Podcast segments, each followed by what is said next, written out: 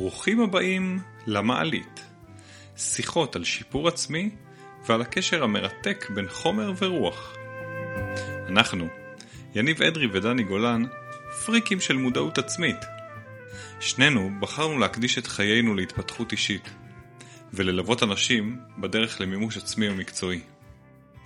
תוך כדי המולת החיים יצאנו לחקור את התודעה האנושית, ואת חידת הקשר בין עולם החומר לעולם הרוח. הוא גיטרה, אני חליל. תבחרו קומה, במעלית.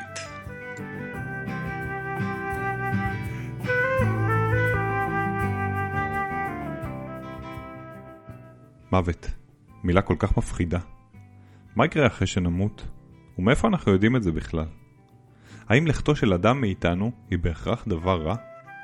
ומה בין העיסוק במושג המוות לאהבת החיים? ולמה כל כך חשוב שנדבר על זה?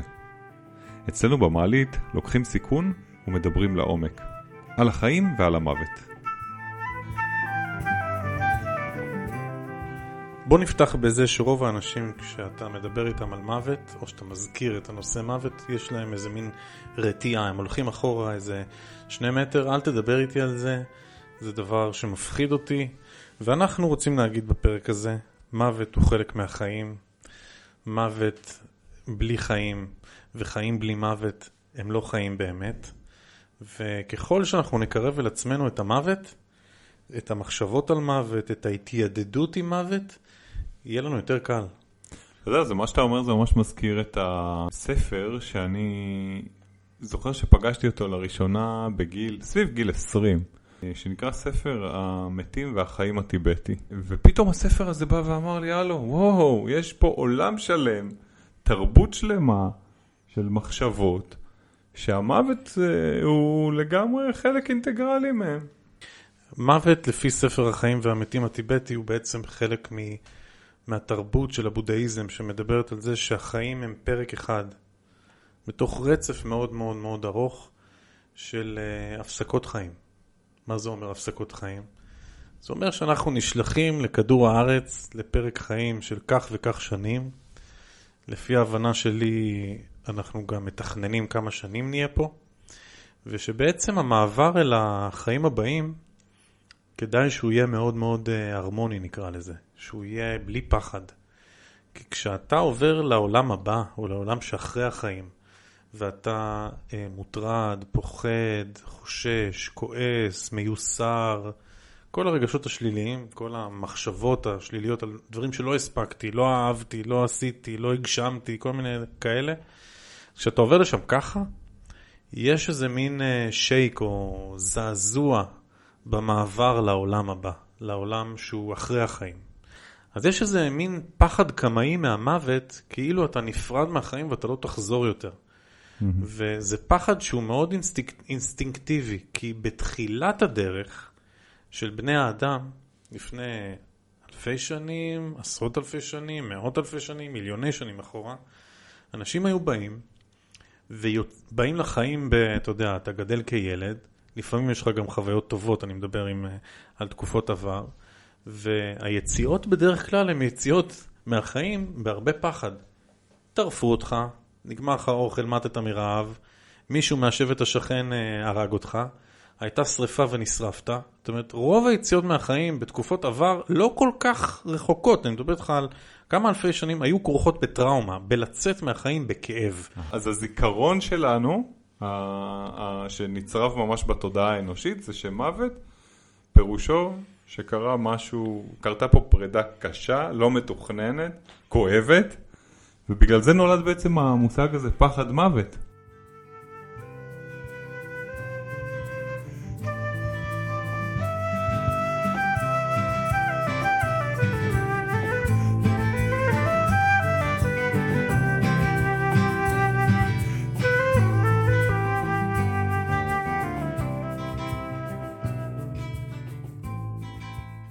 אתה פוחד מהמוות, דני? אני חושב שאמרתי לך פעם, אני לא באמת חושש מהמוות שלי. כי יש לי... אני חושש מהמוות שלך.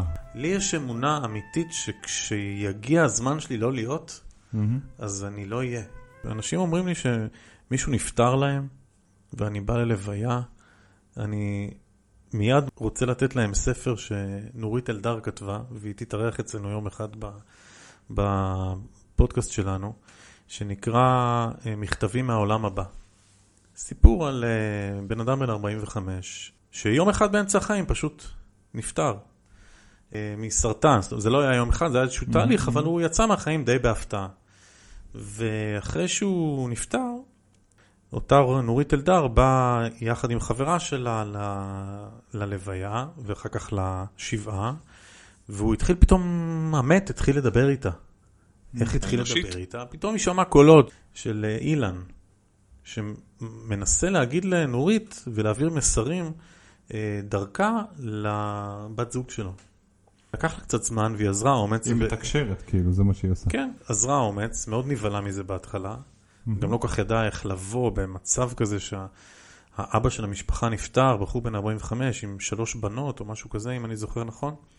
ועזרה אומץ ונפגשה איתה והם התחילו להעביר, הוא התחיל להעביר דרכה מסרים ואיזה מין הדרכה למה קורה לנו אחרי המוות. וואו. וזה ספר כל כך מוחשי וכל כך, אתה יודע מה? קראתי אותו והרגשתי איזה כיף שמישהו מדבר פה על דברים שאני הרגשתי אותם ושאני כאילו יודע אותם, אבל כשאני מעלה אותם בקול רם אני נשמע הזוי, אני נשמע לא מחובר. לא מקובל, נכון. וזה היה נפלא לשמוע את התיאור של מה קרה לו בשלבים השונים אחרי שהוא מת. ויותר וואו. מזה, זאת הייתה החלטה מושכלת לצאת מהחיים בגיל הזה שלו, מול הבת זוג שלו, כי בחיים הקודמים שהם היו ביחד, היא עזבה אותו. זאת אומרת, הייתה פה תרומה משותפת להתמודדות לבד עם החיים, עם המשך החיים. זאת אומרת, עשינו פרק עד כאן, עכשיו אנחנו נפרדים בטרק של החיים, ועכשיו כל אחד ממשיך בדרכו.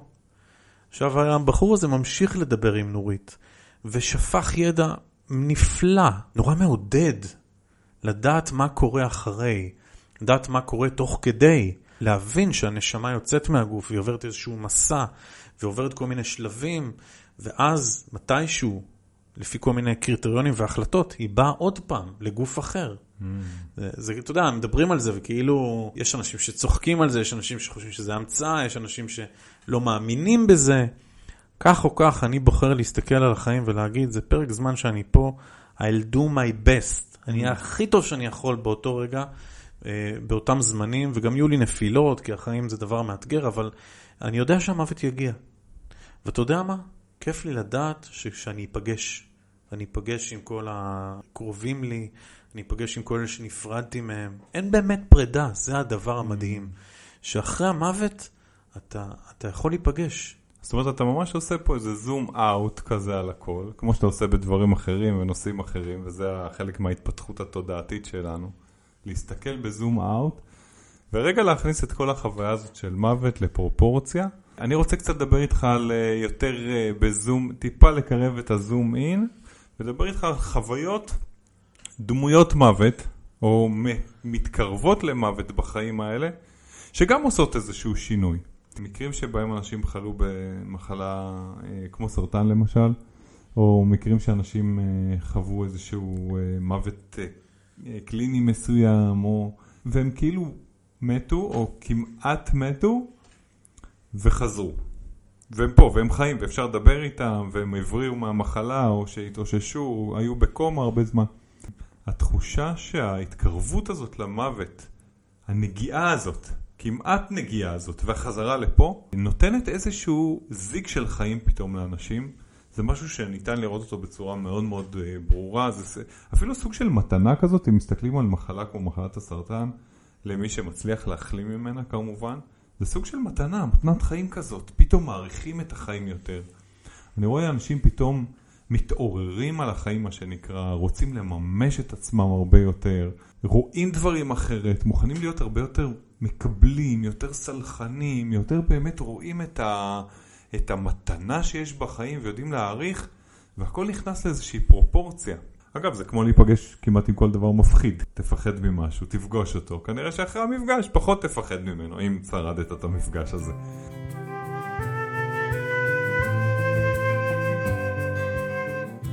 מה שאני הייתי רוצה ש... שיצא כביכול מהפודקאסט שלנו היום, זה שתהיה איזושהי סקרנות, גם לנו וגם לאנשים אחרים, להתקרב קצת לדבר הזה.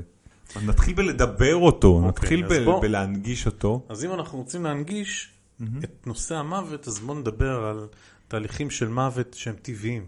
אתה הפרח, מתכוון מוות בתוך מהלך החיים. כן, אתה יודע, אתה מסתכל על צמח, פורח, עובר את עונות השנה, נובל, מת.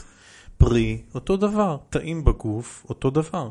כל הזמן מיליוני תאים שלנו נולדים מחדש, מתחלקים ומתים. עכשיו, מדובר על זה שכל שבע שנים מתחלפים כל התאים בגוף. זאת אומרת, אני עוד שבע שנים אהיה דני חדש. כל התאים שלי יהיו חדשים, וכל הישנים שעכשיו הם, הם ימותו.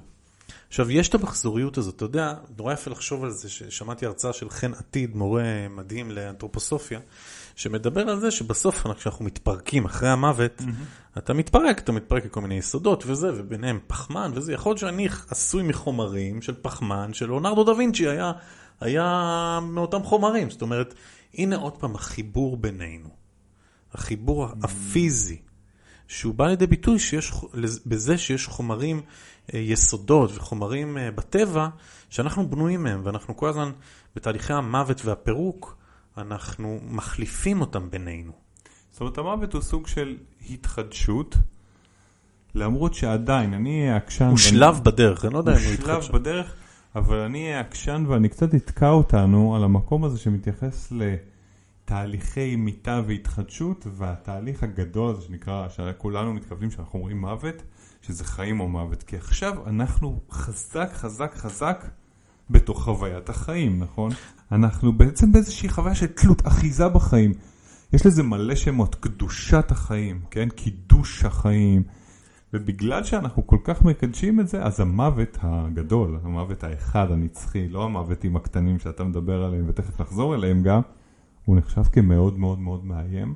הנה לאט לאט אנחנו ככה רוצים לפרום אותו לאט לאט. הדבר המדהים בזה שאנחנו מתים, זה שאנחנו מתים בלי כלום. אתה יודע, אתה לא לוקח איתך כלום. אתה נכנס לפירמידות, אז אתה רואה שהפרעונים שחנתו את הגופות, ושהגופות, הגוף שלהם משתמר, שמו כל מיני כלי כסף וזהב, כדי שהם יתעוררו יום אחד, אז הם יוכלו... אתה לא לוקח איתך כלום. אבל מה כן אתה לוקח איתך אל המוות? את החוויות שלך. עכשיו, לאן אתה לוקח אותם? את כל מה שחווית, כל רגע בחיים, מתועד בספר. מה זה הספר הזה? הספר הזה הוא נקרא ספריות האקשיות. המילה אקשי בהינדית זה ספיריט, זה רוח. זה הספריות של הרוח שלנו. הרוח עוזבת את הגוף, הנשמה עוזבת את הגוף. זאת אומרת, ברגע שאתה מת והגוף, אה, אה, הנשמה עוזבת את הגוף, אתה נשלח חזרה לאיזה מקום וכל החוויות שלך מתועדות. תאר לך, פוגש אותך איזה מדריך, מדריך אה, ספיריטואלי כזה, לא בגוף, אחרי שאתה מתת את הרוח שלך, ואומר לך, יניב, איך היה? איך היה לך בחיים? תראה, תראה, תכננת שיהיה לך ככה וככה וככה, ושתגור פה, ושיהיו לך ככה וככה ילדים, ושתמות בגיל כזה וכזה. איך היה האתגר הזה שתכננת אה, בחיים? מה אתה אומר עליו? בוא נסתכל עליו רגע מהצד. עכשיו, להסתכל עליו רגע מהצד, לא בתוך גוף, זה דבר שהוא וואו. אתה יודע, דני, אתה מדבר על, אה, על ה, באמת מה קורה אחרי, ואני מרגיש שבתוך הפרק הזה אני דווקא מחזיר לחוויית החיים עצמם אני, עכשיו. עזוב אותי, אני רוצה להיות שם! אתה רוצה להיות שם, ואני אני גם רוצה, אני לא יודע אם אני רוצה להיות שם, דני, אני פוחד, אני לא יודע אם אני רוצה להיות שם, אבל כן אני אגיד לך, שבגלל שאנחנו כאן כרגע, וגם בגלל שאני בטוח שיש מי שיקשיב לנו. וזה קורה בשיחות על מוות, ויגיד, מאיפה אתה יודע? מאיפה אתה יודע שיש גלגול נשמות? מאיפה אתה יודע שזה נרשם? מאיפה אתה יודע? מאיפה אתה יודע? אולי לא קורה שום דבר וזה המצאות וסיפורים שלנו בני אדם, ויש על זה דיונים מפה ועד אינסוף. אני רוצה לא להיכנס לדיונים האלה, אלא אני רוצה להתייחס למשמעות של המוות בתוך החיים, ולתת לך איזשהו תרגיל שאני גם נותן לאנשים אה, ככה, ואני בעצמי גם עשיתי אותו, תרגיל שהוא ממש מצוין למציאת המשמעות והייעוד שלנו כאן בחיים האלה, וזה רגע אחד, לכתוב את ההספד של סוף חייך, את ההספד של עצמך. וואו. שב אתה, לך רגע ליום האחרון שלך, דמיין אותו, הוא עוד לא קרה כנראה. כן, יש, יש לסטיב ג'ובס איזה בדיחה כזאת שהוא, שהוא אומר בנאום הכי מפורסם שלו, נאום הנקודות, הוא אומר שפעם איזה מישהו חכם אחד, הוא שמע איזה חכם אומר, תחיה כל יום כאילו זה היום האחרון שלך. יום אחד כנראה שתגלה שצדקת. יש משהו בלהסתכל על היום האחרון הזה, ואני חוזר לתרגיל הזה, אה, ולכתוב מה הספקת בחיים האלה. מה הספקת? איך היו החיים שלך? מה עשית פה? על מה אתה אה, שמח שעשית, וגם מה אתה מתחרט שלא עשית בחיים. עכשיו, ברגע שבן אדם מתעסק במנגנון הזה שנקרא חרטה, ואגב, עשו על זה הרבה מאוד מחקרים, ומחקרים עם אנשים מבוגרים שכנראה קרובים יותר למוות, ו... ושאלו אותם על מה הם מתחרטים יותר, על מה שהם עשו, טעויות, מה שהם קוראים טעויות שהם עשו, או על מה שהם לא עשו. רוב גורף של האנשים ענו שהם מתחרטים על מה שלא עשו. Mm, זאת אומרת, איזה יופי. שזה יופי של מנגנון להסתכל קדימה, יופי של דרך ו- ושיטה, ליצור איזשהו חזון לחיים שעוד נשארו. אז כשיש לי דילמה אם לעשות או לא לעשות, אני עושה. בדיוק. אני לא מתחרט, אני, כל, זה- אני נמצא בעשייה, אני נמצא בדוינג. יש לי משהו, אני לא, לא כל הזמן מתחבט ו, ו, ו, ו, ועוצר את עצמי, משחרר את הברקסים. וזה גם מכניס, ממש משחרר ברקסים, זה מכניס לפרופורציה. ואגב, סטיב ג'ובס באותו נאום אומר שמוות היא ההמצאה הטובה ביותר של החיים. תחשוב רגע אחד שאתה באמת הולך למות, ויכול להיות שמחר בבוקר לא תהיה פה, מה עוד לא הספקת לעשות? יאללה, תעשה. הוא אומר, we are, we are already naked, אנחנו כבר ערומים. אין לנו מה להפסיד, רק להרוויח. מה יש לנו להפסיד? להתבייש. להתבייש. לעשות פשלות. אתה יודע שזיכרונות, אתה יודע שפשלות לא נספרות בבריאה? זאת אומרת, נותנים לך אשראי, תחשוב על זה שקיבלת אשראי חיים. קיבלת מספר נשימות קבוע מראש, שאתה תנשום. אוקיי? אתה יכול לעשות משיכות יתר. חייב לומר רגע, שזה שנייה, על שנייה. פי, על פי התפיסה שאתה מדבר מתוכה, זה לא אמת אחת. תפסיק, כן? מה אתה, מה אתה עכשיו מתחיל אה, תפיסות, עניינים, כל אחד אומר את שלו, אני באתי עם חוויות, אתה באת עם חוויות, אתה אומר את שלך, אני אומר את שלי, מה זה, אני לא נציג של שום ארגון, אם זה מה שאתה שואל. אף אחד לא אמר לי לא, למה חשדתי, להגיד. חשדתי. אוקיי, בך, אני אומר מה שנכון לי כרגע, ואני המצאתי את הדבר הזה, ובא לי עכשיו להמציא אותו ולהגיד שיש לי מספר נשימות קצוב. לנשום עד שאני אמות. עכשיו, אם אני עושה פעילות יתר, אוקיי? או מספר פעימות לב נגיד. כן. אם אני עושה פעילות יתר במקום שאני לא אמור לעשות. זאת אומרת, אני מושך יותר מדי אנרגיה, אני מתאמץ במקומות שאני לא אמור להתאמץ בהם. יכול להיות שאני מקצר את החיים שלי, יכול להיות שבגלל שקיבלתי אשראי חיים לכך וכך ימים והתאמצתי על דברים שאני לא אמור להתאמץ, בזבזתי במרכאות אנרגיה, מתוך המצבר שלי, אני אקצר את החיים שלי, אז אני מודיע לך כאן, כן. בסימני קריאה, לא ב... לא באולי, כי אני גם יודע להגיד אולי, אבל לי יש תחושה עמוקה בעצמות שלי, ואני יודע גם על עצמי שהיו תקופות שבזבזתי אנרגיה, ולפעמים אני אומר לעצמי, איזה אידיוט, מה היית שם כל כך הרבה זמן? יכולת לעשות את זה ואת זה ואת זה. מצד שני, אני אומר, זה מה שהיה נכון לאותו זמן, זה מה שידעתי. היום אני מפוקח יותר, ואני אומר, אני, אם יש משאב חשוב אה, מבחינת ההתנהלות שלי, או של כולנו, זה המשאב של הזמן.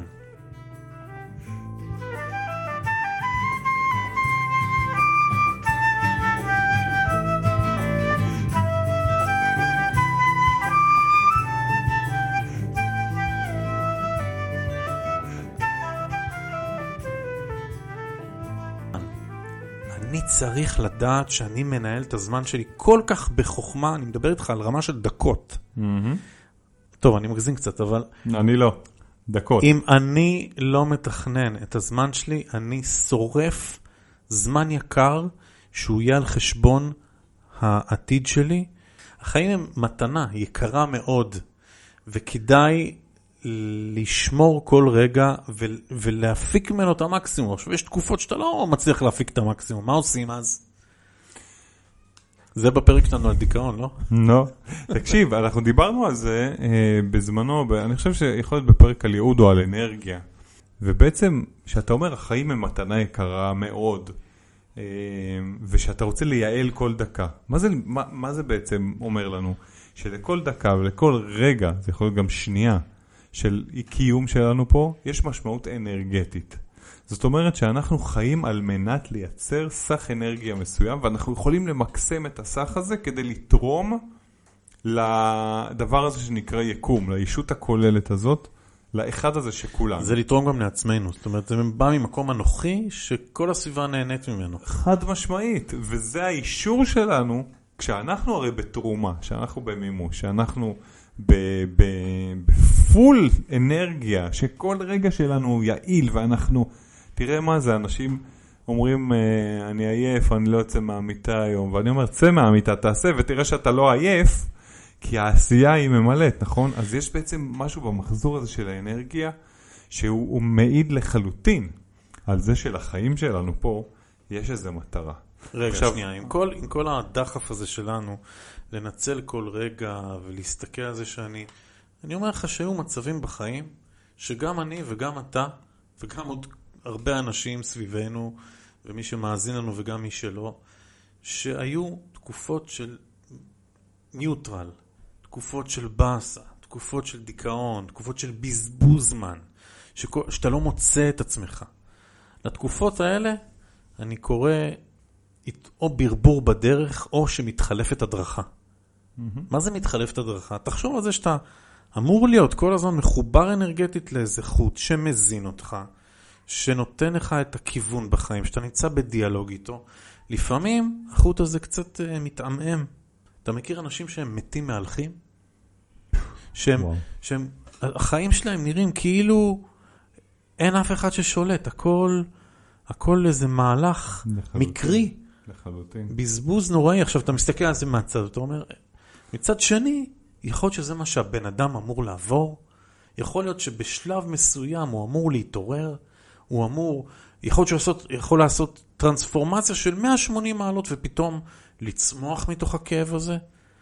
אז אני רוצה להגיד לך שאני מכיר הרבה סיפורים של אנשים שהגיעו לקצה, לשפת התהום, לכמעט לקפוץ למוות שלהם, ואז פתאום היה להם זיק של חיבור, לא יודע מה, משהו שלף אותם, ופתאום התחיל תהליך. ואני מדבר איתך על לא מעט אנשים כאלה, כולל אנשים שתרמו באופן משמעותי לאנושות. התופעה הזאת, החוויה הזאת שאתה מדבר עליה של התעוררות, היא יכולה לקרות לכל אחד.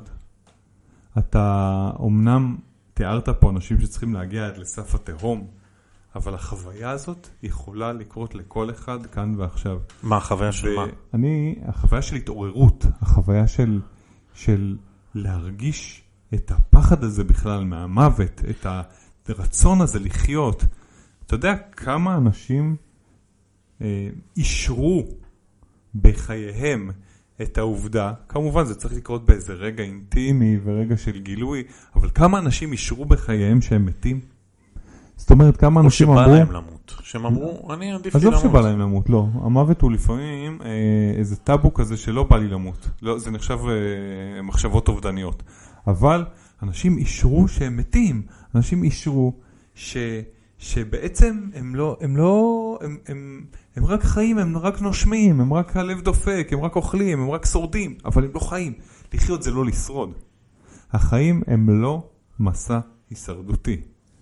ואם החיים הוא מסע של המצאה, של התפתחות, של התחדשות, אז המוות מקבל כבר מושג אחר לגמרי, כי חיים של שורד הם חיים שנמנעים ממוות. חיים של מתפתח הם חיים שאומרים למוות, אתה חלק ממערך החיים. וזה בדיוק מה שקורה בטבע, ומתחבר למה שאתה אמרת, זה קורה בטבע, זה קורה בגוף שלנו, עזוב בטבע בחוץ, זה קורה בתאים שלנו, כל הזמן יש התחדשות.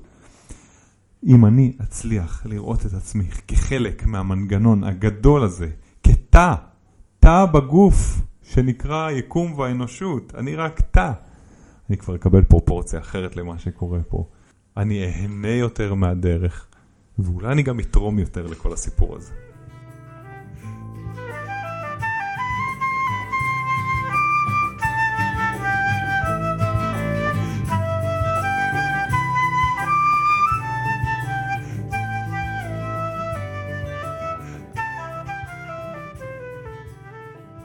תראה, אני חושב שאנשים שנמצאים בתוך התעלה החשוכה של החיים, יש לסיימון וגרפינקל את Hello darkness my old friend. מהמם. אנשים שנמצאים בתוך תעלה חשוכה של החיים, מאוד קשה וכמעט בלתי אפשרי לעזור להם לשלוף את עצמם מאותה תעלה. זאת אומרת, שאתה נמצא במקום האפל שמושך אותך למטה, לרצון למות, מעניין איזה כוח מושך אותי למטה. מה זה הכוח הזה של ה-darkness, שהוא מסמל את כוחות הפירוק? דיברתי על זה בכמה פרקים שלנו, על האנרגיה החשוכה. כשאנחנו פוחדים, כשאנחנו בתוך האפלה, כשאנחנו בדיכאון, כשאנחנו אה, מאבדים את התקווה, האנרגיה החשוכה שנמצאת כל הזמן, גם פה, גם כשיש דולק אור יום, אני לא מדבר איתך על יום ולילה, זה סוג של רטט שמחכה, מחכה כל הזמן לזמן שלו לפרק. אז כשאני נמצא בדיכאון או בחוסר תקווה, אני בעצם נותן לאנרגיה חשוכה להיכנס אליי, ומאוד מאוד קשה להילחם בה. אנרגיה חשוכה גם נותנת לך אנרגיה, נותנת לך אנרגיה לצלול עוד. כן, בוא תצלול, בוא תיכנס עוד. עכשיו, לפעמים אתה בא מישהו מבחוץ, מושיט לי יד, רוצה להוציא אותי מהבור, אבל אני לא רוצה לצאת, כי אין לי בשביל מה. החברה שלנו, התרבות שאנחנו חיים בה, אפילו הדת היהודית, ההתייחסות שלה למוות, הוא התייחסות כזאת טרגית וטראומטית, שבאיזשהו מקום, כל האזור הזה, שאם בטעות נשאבת למחשבות, מחשבות שאתה רוצה שהסוף יגיע, שהחיים לא טובים לך, באמת מתחילים לפעול עליך כוחות תרבותיים. ש... מעבר לכוחות הנפשיים, כוחות תרבותיים של? דה-לגיטימציה, שיכולים עוד יותר לשאוב אותך למטה. כוחות שאומרים לך, זה לא בסדר. אם אתה לא מרגיש טוב עם עצמך, אם אתה לא חיוני, אם אתה, אם אתה באיזה דיכאון או משהו, אתה לא בסדר. אם אתה... זה, זה הפרעת נפש, להיות במקום שהוא לא בריא ולא חיוני. עכשיו, אולי תיקח כדורים אולי פסיכיאטריים. תיקח כדורים פסיכיאטריים. למה אתה אולי- בדיכאון? מה? בדיוק, תיכנס לאיזה מע- מערך של טיפול, כי אתה לא בסדר. עכשיו, מה שאנחנו רוצים להגיד פה, בוא נצא מהסרט הזה. מותר לשקוע לפעמים. זה אפילו חלק מ- מאיזה מנגנון התחדשות.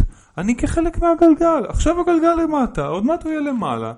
אבל יש כוחות, אני חושב שזה מה שהתכוונת להגיד, יש כוחות שכשאתה עם הגלגל למטה, יגרמו לך להרגיש שזה חד ערכי, חד משמעית ומושך כל כך למטה, שהנה עכשיו אתה מת. אז אני רוצה להגיד לך. שזה לא רק אה, אנשים שאומרים לך את זה. זה לא רק קולות חיצוניים.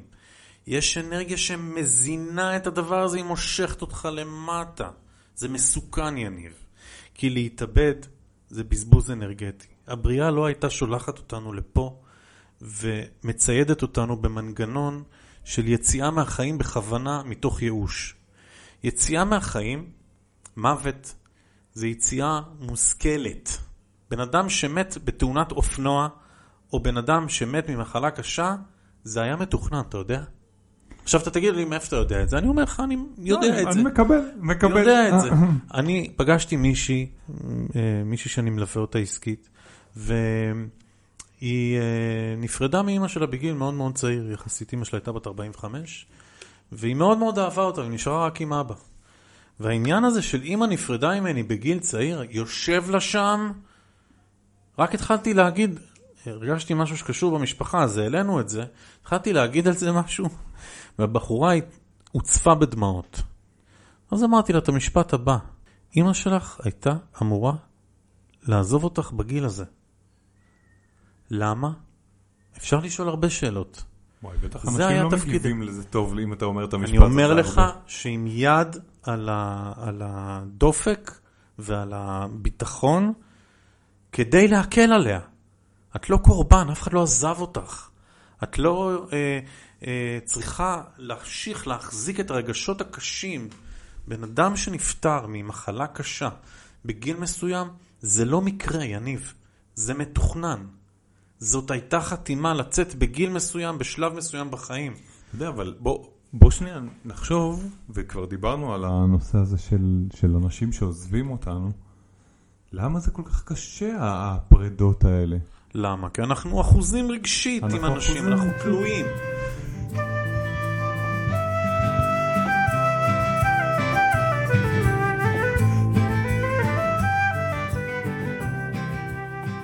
תלויים. לספר לך על האובדן האישי שלי. אבא שלי נפטר לפני 15 שנה בערך. אתה יתום מאב? אני יתום מאב, הוא נפטר מסרטן, אפרופו. אה, החוויה של המוות שלו בוודאי הייתה רגשית חזקה מאוד, אבל בגלל שהיא לוותה במחשבות שלי, שכבר אה, התחילו להתבשל בזמנו למקום הזה, אה, ממש הצלחתי לראות איך, ה... איך המוות שלו, הוא גם, יש פה איזו הזדמנות. התקשורת שלי עם אבא שלי לא הייתה איזה וואו גדול לפני המוות שלו. ואיך אתם עכשיו? ועכשיו, אני חייב להגיד לך שעכשיו המצב די טוב. אנחנו מדברים הרבה יותר. באמת, מדברים הרבה יותר. תראה איזה דבר מדהים אתה אומר עכשיו. תחושה מדהים. שיש עם מי- לדבר. סוף סוף. אחרי שהוא מת יש עם מי לדבר. באמת, באמת, יש בזה משהו אה, מצחיק כאילו, אבל... תראה איזה דבר, אבל- שנייה אני חייב להגיד לך איזה מצד משהו, תחשוב שני- על זה כן. שיושב לך פה אבא, זיכרון של אבא, פה על הכתף. מה אבא היה אומר על זה? איך אבא? מה יש לי להגיד לו עכשיו? איפה אני, איך אני מתייחס אליו? איזה דיאלוג כדאי לי לעשות איתו בהקשר לדברים שאני חושב שהוא לא עשה בסדר, או שאני לא הספקתי להגיד לו. מעניין הדיבור הזה עם, ה, עם אבא שלא נמצא, או עם אחות שלא נמצאת, או עם אימא שלא נמצאת. אני רק אגיד שזה אבא שבמהלך החיים לא היה אפשר כל כך לנהל איתו, או לא הצלחתי, בעוונותיי, לא הצלחתי לנהל איתו את הדיאלוג הזה של מה אתה חושב, איך אתה רואה, להתייעץ איתו, לא היה את התפקיד הזה. ודווקא אחרי המוות פתאום, יש יותר מקום לדיאלוג, לשאול אותו ולקבל תשובות. אני חושב שאנחנו בבעיה רגשית גדולה, באמוציות יתר סביב נושא הפרידה. אני חושב שלפעמים בתוך משפחות יש טרגדיות של אובדן שאנשים לוקחים אותם ולא מצליחים להתאושש מהם. נכון שלהיפרד מילד שלך זה דבר כואב ומצער מאין כמותו. אני לא חושב שיש דבר יותר מצער מזה. או להיפרד מאדם אהוב. ברמת הצער הבסיסי של הקשר האנושי הפיזי בין אנשים, אבל מעבר לרובד הזה, ואני יודע שמה שאני אומר עכשיו הוא לא פופולרי, מעבר לרובד ה- הארצי, המצומצם של הפגישה גוף לגוף, מבט למבט, ריח, דברים פיזיים, מעבר לזה, אנחנו חייבים להבין שיש מימדים נוספים לחיים. המימדים האלה הם התקשורת הבלתי אמצעית שאתה בדיוק דיברת עליה. הם התקשורת, היכולת לדעת שסבא וסבתא שלי יושבים, לי פה על הכתפיים. הם, הם, אני יכול לשמוע, אני יכול להיכנס פנימה ולהיות איתם בתקשורת. אוקיי? הילד שלי שכרגע לא נמצא איתי, הוא היה שליח, אני צריך לספר לעצמי סיפור חדש על למה נפרדתי ממנו. אם קשה, למה הוא עזב אותי. אוקיי? או למה אבא שלי או אימא שלי כבר לא איתי. תראה, הדברים האלה אפשר לברר אותם. אפשר לנסות להבין מה הייתה סיבת מותו הגבוהה של האדם האהוב שאני אני נפרדתי ממנו. אני רוצה לספר לך את הסיפור של אבא שלי. אולי אפשר? שנייה אחת לפני הסיפור של אבא שלך, אני אתן לך אה, רק איזשהו תרגיל, נחמד ו- וממש חביב. תרגיל ל- במוות? תרגיל במוות. בוא תמות שנייה. תמות ותחזור. אה, תרגיל קטן ל- לדמיון. אני יודע שהוא קשה והוא גם לא פופולרי בכלל, אבל אני אתן לך אותו. דני, דמיין לך שמישהו מקרוביך, לא עלינו, פלוס פלוס פלוס, נפטר מהעולם, בהפתעה. איך אתה מתמודד ומגיב לסיטואציה הזאת? וואו. רק, רק תדמיין לעצמך את הדבר הזה, ואז תפגוש אותו אחר כך, עוד חמש דקות תפגוש אותו, נגיד, או מחר תפגוש אותו, אותה. איזה פרופורציה זה יכול לתת. אז, אז קודם כל, מה ייתן? כל תרגיל שאני ככה מדבר עליו, מה ייתן? אחרי שתנסה, תדע מה הוא נתן. לא, אני כבר רואה מה הוא נותן. אני לא. אבל פתאום זה מכניס, קודם כל, את האופציה, את האפשרות, שדבר כזה יכול לקרות. ומבחינתי, הדבר המעניין והחשוב ביותר, העולם לא נפל, החיים שלי ממשיכים, ואני יכול לחשוב על המשמעות של הבן אדם הזה, תראה, לתרגיל הזה יש המון המון משמעויות, אבל אני יכול לרגע לחשוב על כמה אני שמח ומודה על הקיום של הבן אדם הזה כרגע בחיי. מקסים. כמה הוא משמעותי לי, וגם להיות מוכן לחשוב על החיים שאחרי פרידה. פרידה מכל דבר, כן? לא, דיברת על אדם קרוב, אתה דיברת תישאר על שם. פרידות, אז אני מדבר על פרידה, ופרידה מאדם קרוב זה דבר כאילו שנתפס הכי קשה, וגם החברה שלנו מקיפה אותנו, וכל מנהגי האבלות הם מנהגים ש, שנועדו לייצר את הנרטיב הזה שהמוות הוא איזשהו דבר איום לא. ונורא וגדול, ואוי לא, ואני גם לא אומר שלא, גם אם עכשיו זה יקרה לי חס וחלילה, לא מתאים לי היום. אבל לא, היום לא. היום לא. אבל עדיין תרגילים כאלה של ה mind, של המחשבה שלנו, להגיד וואלה, פתאום קרה משהו, ולא עלינו מישהו קרוב, הלך. איך אני אתמודד עם זה? איך אני אגיב? הופ, אני מכניס לעצמי לראש מחשבה, זה אפשרי. אני לא אהיה שמח מזה, אבל אני אוכל להודות על הקיום של הבן אדם הזה, ועכשיו אני יכול ללכת לפגוש אותו, לשתות איתו קפה, ולהגיד וואלה בן אדם, איזה, איזה טוב שאנחנו שנינו פה חיים, בוא נמצה את זה עד הסוף. זה מחזיר לך את תחושת האחריות. אחריות, חיוניות, חוסר תלות, חוסר קורבנות. וגם גם. אהבה. אני רוצה להגיד לך שזה שאתה אתה פתאום מעלה על דעתך, שאתה, טיפ, שאתה רגע רק בדמיון נפרד ממישהו, אז פתאום אתה אומר, וואלה, אני אוהב את הבן אדם, אני לא רוצה להיפרד ממנו, אז זה פותח את הצ'קרה הזאת של המרכז, של לגמרי. הלב. אז בואו בוא נרחיב את התרגיל ונגיד, אם יש מישהו שאתם רוצים להרחיב את האהבה אליו, תדקרו אותו.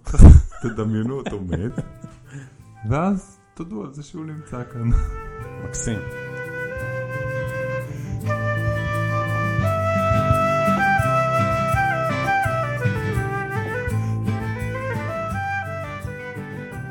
כדאי לכל מי שנפרד לא לקדש את הרגשות הקשים האלה, כי הם חוסמים אותנו מלהתפתח, הם כמו משקולות על החיים. כדאי לנו לנסות להבין מה הייתה סיבת עומק להשתחרר מהכאב הרגשי. אני יודע שזה מסע ארוך ולפעמים מפרך, אבל אנחנו יודעים לעבור מסעות. אנחנו עשינו הרבה תהליכים בחיים. אנחנו גם לא נולדנו עכשיו. עשינו עוד הרבה גלגולים, אני מזכיר לך, אנחנו קיימים הרבה שנים. הרבה מאות שנים אולי, אולי אלפי שנים. ואנחנו מסוגלים. אז בואו נתנקה מהכאב מהאובדן, נספר עליו סיפור חדש, סיפור חדש של המוות, ונצא לחיים, להמשך המסע של החיים. אתה יודע, אתה מדבר את הדברים האלה, ועובר לי איזה משפט בראש שהייתי רוצה שנעשה לו איזה פרפרזה. במותם ציוו לנו את החיים. בן אדם מת, ציווה עלינו את החיים, ציווה עלינו לחשוב רגע על החיים שלנו. על מה באנו לעשות פה. לא ציווה עלינו למות כמוהו. לא, גם לא ציווה עלינו אה, אה, להמשיך לחיות אה, דווקא איך שחיינו. ציווה עלינו את החיים. זה אומר, תחיה, תמצה עד הסוף, ואם המוות של מישהו עודד אותך לעשות את זה, קידם אותך, טלטל אותך. טלטל אותך עד כדי כך שאתה מתחיל לחיות יותר, לממש את עצמך יותר, להודות על מה שיש, להודות על מה שהבן אדם הזה הביא בחייו, דיינו. העיסוק במוות בעצם מחזק את האהבה לחיים, הוא לא מחליש אותה. כי הרבה פעמים יש איזו תחושה בחברה שלנו, שאם אתה חושב על מוות, או מדבר על מוות, או יש מחשבות אובדניות, יש כל מיני, יש מערכת נכון. שלמה של המשגה סביב הנושא הזה של לא למות. מוות. רק לא לדבר על מוות, עזוב רק לא למות. נכון. אה, למות זה כבר... כן. רק לא לדבר, ואני רוצה להגיד, לא, העיסוק במוות מחזק את החיים, זה כמו... אתה מדבר על המוות עם המשפחה שלך? עם אני, הילדים אני, שלך? אני מדבר עם הילדים שלי. אני מדבר עם אתה יודע הילדים שהילד שלי. שלי שאל אותי מה קורה אם אני אמות, מה יקרה אם אני אמות? נו, ומה יקרה? אוקיי, אתה יודע מה, זו. הזדמנות מעולה. מה אתה אומר לילד הזדמנות שלך? מעולה לעשות תרגיל. אני אומר, תשמע, זה נורא, אני אוהב אותך, אני אוהב את החיים, בא לי שנלך גם אה, מחר ובשבת לים. לא רוצה שישתבש, אני אוהב את החיים ביחד פה. אבל בוא רגע נדמיין. אני אומר לילד, תקשיב, יכול להיות שזה יקרה. בוא נדמיין קודם כל מה אתה עושה, מה קורה. דבר שני, כאילו באותה סיטואציה, מה עכשיו? מקרים ותגובות. כן, מקרים שהוא- ותגובות. אבל הדבר, המסר המרכזי הוא, באתי לפה, או באנו לפה, או אתה באת לפה עם זה, אם אנחנו נתחלף בתפקידים עכשיו. הבאת איזה אהבה, הבאת את עצמך, היה פה כיף, כיף לנו ביחד. ואם אני הולך, זה מה שאני רוצה שתזכור, מה שהבאתי, זהו, לא עכשיו תיכנס אתה לא, אבל תמשיך. אתה, אבל אני אוהב להסביר תמיד ללמה. למה מה? מה? למה? למה הייתי צריך להיפרד? למה, למה אנשים אה. נפרדים? Mm. למה, למה צריך לעזוב? למה צריך לחוות כאב? אוקיי? הלמה תמיד נותן הסבר ועוזר לנו לספר סיפור חדש. אז למה? יפה. כשהילד שלי אומר לי, אבא, מה יקרה אם אני אמות? או מה זה החיים האלה בכלל? או עדיף לי לא לחיות. וכשילד אומר לך כזה דבר, זה מצד אחד מרים, מאיר אה, כל מיני נורות שצריכות להידלק. מצד שני, אסור לנו כמבוגרים לטאטא את המוות כמו שההורים שלנו עשו, ולא לדבר על זה, או שזה נושא שהוא טאבו, שהוא אה, אה, אפל ומפחיד, כי אני לא יודע איך להתמודד איתו בכלל. Mm-hmm. אין נושאים שהם טאבו, על הכל מדברים, גם על הדברים הקשים ביותר, ובתוכם מוות. אז כשילד שלי שואל אותי את זה, אני אומר לו, זה לא חוכמה, אתה תבוא לפה עוד פעם. כי החיים זה להתמודד עכשיו, ואתה תראה שגם כשאתה במצב הכי קשה לך, שאתה חושב שהוא הכי קשה, אתה יוצא ממנו. והחיים הם גלגל, כמו שדיברנו על זה. וגם כשאתה בתוך הדיכאון, אתה תדע, אתה יודע שזה זמני. הכל זמני, כולל החיים. זה כל היופי. שאני לא אהיה תקוע לעד. אני יכול לתקוע את עצמי לתקופות ארוכות, אבל אם אני משחרר את האחיזה, אז אני יודע שאני יכול למות, ואני גם יכול להיוולד. ואם אני מת או בוחר לצאת מהחיים, זה לא כזה גליק גדול, כי אני אחזור לפה עוד פעם.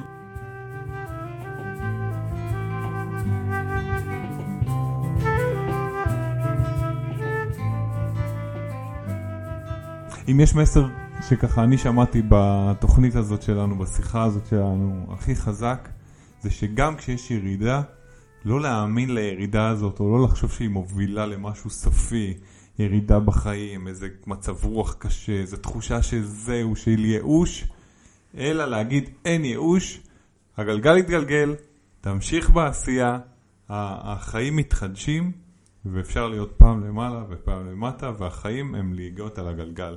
החיים והמוות הם, הם אחד, הם שני צדדים של אותו מטבע. וכשאנחנו מתיידדים עם מושג המוות, משחררים את הפחד ממנו, הוא נהיה חלק מהחיים. הוא נהיה משהו שהוא אנושי. אתה יודע, בסוף כולנו נמות. זה הדבר היחיד שהוא ודאי, זה דבר מדהים, וכולם פוחדים ובורחים מזה. אז אני חושב שהמסר של הפרק שלנו הוא היכולת להתקרב אל המוות, להתיידד איתו, להכניס אותו לשיח שלנו. אני רוצה להגיד לך שזה שזה שני צדדים זה עדיין לא נותן לנו אפשרות לחוות את הצד השני ולכן בתור מי שחיים כרגע את החיים והתודעה שלנו היא תודעה של אנשים חיים אני מסתכל על זה ואני רוצה להגיד לך שהייתי מציע לכל אחד להסתכל על זה ככל עוד אתה חי תעשה כמיטב יכולתך בכל יום תשקיע, תחשוב שבאמת יכול להיות שזה היום האחרון. עכשיו, אנשים עושים כל מיני משימות כאלה, או יש גם כל מיני סרטים כאלה, של, אה, של אנשים שהודיעו להם שהם הולכים למות עוד כמה חודשים, ואז פתאום אה, מלא דברים שלא הספקתי. לעשות את זה.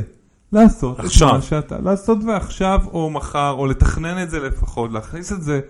יש כל כך הרבה מה להספיק, לכולנו יש כל כך הרבה חלומות, זה הזמן לעשות וזה הזמן לחיות. יושב לי פה עוד עניין שנקרא rebirthing, mm.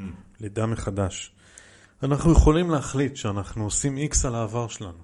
התודעה, המוח הקדמי שלנו, המודעות שלנו, יכולה לעשות פלאים. אנחנו יכולים למחוק חלקים, אתה יודע? אנחנו יכולים פשוט, נכון שזה רשום בספריות האקשיות, מה שדיברנו קודם, אבל, אבל אני יכול להחליט שאני נולד מחדש עכשיו. Mm-hmm. יכול לעשות לעצמי איזה טקס שאני אדם חדש. אני לובש זהות חדשה, אני מתנהג אחרת. וזה ייקח אותי לפרק הבא שלנו, שאנחנו נארח בו את חני היקרה, מטפלת מופלאה. בפרק הזה אנחנו נדבר על איך הגוף שלנו זוכר.